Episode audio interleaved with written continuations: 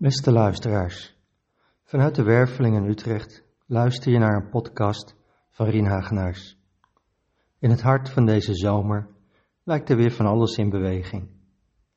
Want of je nu een gelukzoekende dertiger op een rainbow gathering bent, dapper je best doet met je kids tussen de plensbuien op de camping, of uitgeput gestrand bent op een te heet Italiaans station, ergens stroomt de liefde altijd.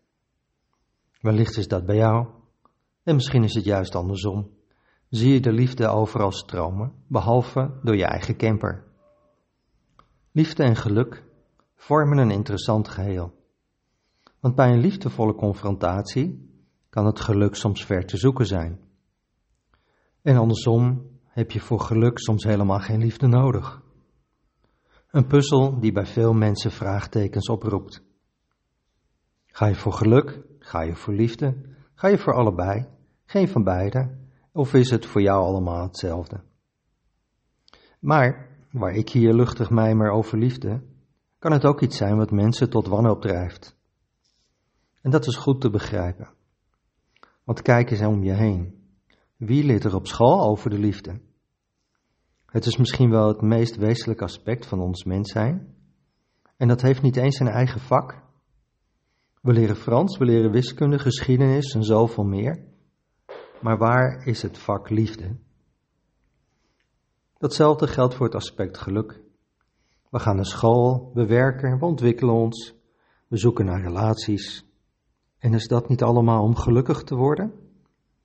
We studeren, zoeken werk, reizen als nooit tevoren de wereld af en fotograferen de hele wereld bij elkaar.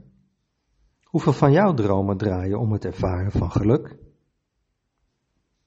Ja, zul je misschien zeggen, hoe kun je in hemelsnaam lesgeven over liefde en geluk? Wel, ik had vroeger gelukkig nog de kerk. Daar werd tenminste nog gesproken over de liefde van God en Jezus. Maar ja, de prijs die je voor dat geluk moest betalen waren hoog.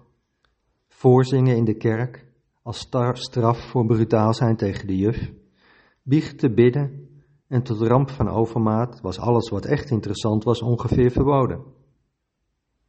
Veel mensen die hierin opgroeiden kwamen tot de conclusie dat dit misschien liefdevol was voor God en voor de pastoor, maar voor hunzelf was dat een groot raadsel. Gelukkig waren er de televisie, voetbal, leaseauto's en koophuizen. De televisie ontsloot de voor velen onbekend aantrekkelijke wereld van seks en de liefde voor de bal, je Mercedes en de villa maakte je in elk geval blij. Je kunt je voorstellen dat dit voor de ouders van de dertigers van nu niet echt een ideale voedingsbodem was om de betekenis van liefde op een bewuste manier over te dragen aan hun kinderen. Was het voor hen al een raadsel? Het legde de basis voor een maatschappij waarin het fenomeen liefde iets is wat je op de een of de andere manier zelf maar uit moet puzzelen. Op zich misschien niet zo heel erg, want de ervaringen van het leven helpen je bij het leggen van deze puzzel.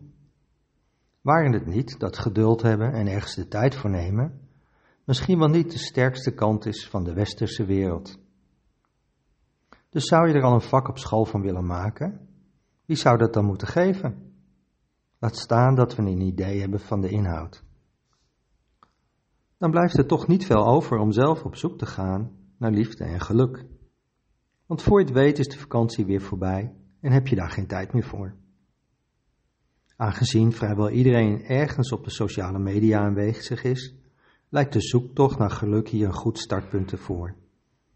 Want een willekeurige blik op je Insta, je TikTok of Facebook-account gaat al snel over zwerven door de natuur, puur en zuiver in je lijf zijn, de ancient healing of dit of dat, cacao, truffels, paddenstoelen, allemaal zo eenvoudig.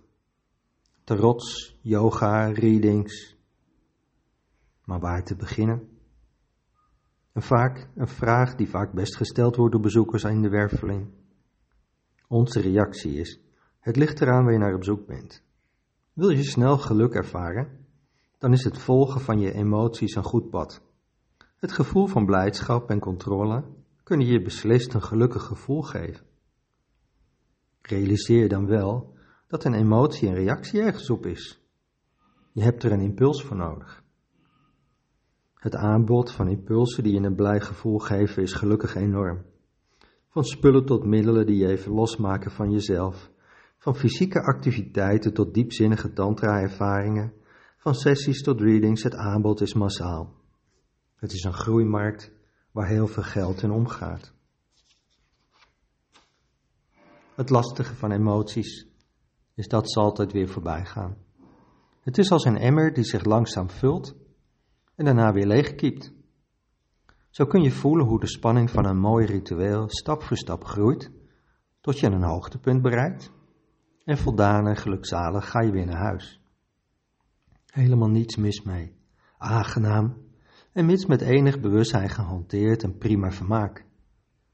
Je zou kunnen zeggen dat spiritualiteit in deze dan ook voor velen een emotie is geworden. Een ervaring, een uitklaatklep van spanningen. Bovendien ligt dat helemaal in de lijn van onze ouders en grootouders, waar het gaat om hun ervaring van geluk. Toch heeft de zoektocht naar liefde en geluk op deze manier een keerzijde. Wanneer het hart ondergeschikt raakt aan de emotie, dan wordt de emotie leidend. Wat dat betekent? Je ervaring van liefde en geluk gaat zich dan gedragen zoals elke emotie. De opbouw is plezierig, maar dan is het weer voorbij. De emmer is leeg en van je gevoel van liefde en geluk blijft niks over. Het verlangen naar de ervaring begint dan weer te groeien en voor je het weet zit je in de volgende healing sessie of opleiding. Een eindeloos traject, wat de neiging heeft om extremer en duurder te worden, om toch de volgende ervaring weer te hebben. Onze visie op de zoektocht naar liefde en geluk is een andere. Want het ervaren van liefde en geluk heeft er meer te maken met het kunnen handelen vanuit andere lagen van ons bewustzijn. Wat dacht je bijvoorbeeld van het hart? Wanneer je verlangt naar een meer stabiele ervaring van liefde en geluk, begint het met de realisatie dat je dan beter je emoties ten dienste kunt laten zijn aan het hart. En om dat verschil maar even heel duidelijk te maken, voel in jezelf eens naar het verschil tussen de volgende twee zinnen. Seks in dienst van liefde en liefde in dienst van seks. Grappig genoeg brengt dat je zomaar terug op oude spirituele paden. Want ineens wordt het bewust kunnen hanteren van emoties een belangrijke sleutel in je zoektocht naar liefde en geluk. Maar daarmee verliezen ook je laatste houvast in de zoektocht, je sociale media, hun betekenis. Realiseer je dat die zoektocht meestal voortkomt vanuit een emotie. Durf je dit pad toch op te stappen, ontstaat er iets nieuws. Er kunnen zomaar dingen gebeuren die je een aanwijzing geven. Mensen die je ontmoet met aanwijzingen die je soms misschien wel niet wil horen. Of plekken waar je komt waar je een boodschap krijgt die je nog nooit eerder hebt gehoord. Wat nog erger is, is dat deze tocht niet snel gaat.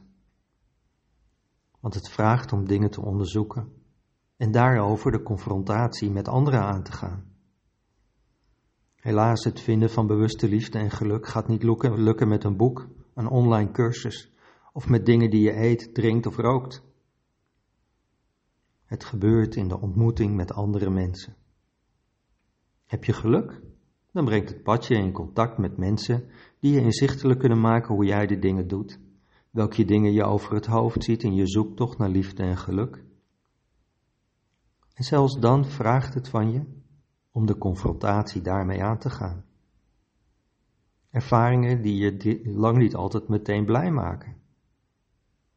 Maar wan ook niet op deze zoektocht. Je hebt maar één jeugd gehad. Het aantal patronen wat je in een leven kunt opbouwen is ook weer niet zo groot. Daarna kun je zelfs nog wat restanten van vorige levens die je in de weg zitten opruimen. Het duurt even, maar dan is je rugzak echt leeg. En onderweg naar dit punt begint je gevoel van liefde en geluk in het leven toe te nemen. Een ervaring die niet meer als een yo-yo op en neer gaat. Nee, een ervaring die ondanks de stormen van het leven rustig met je meereist.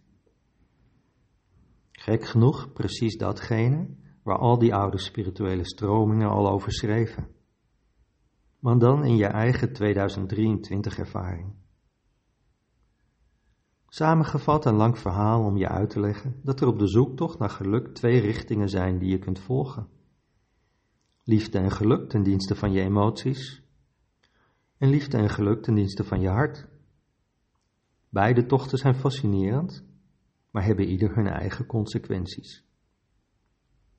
Dat brengt me bij de sleutel van het jaar 2023.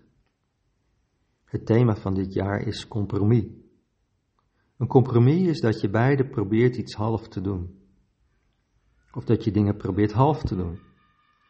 Eigenlijk maakt dat je ervaring nog chaotischer. Maar het is zoals het is. Op de zoektocht naar liefde en geluk proberen we van alles.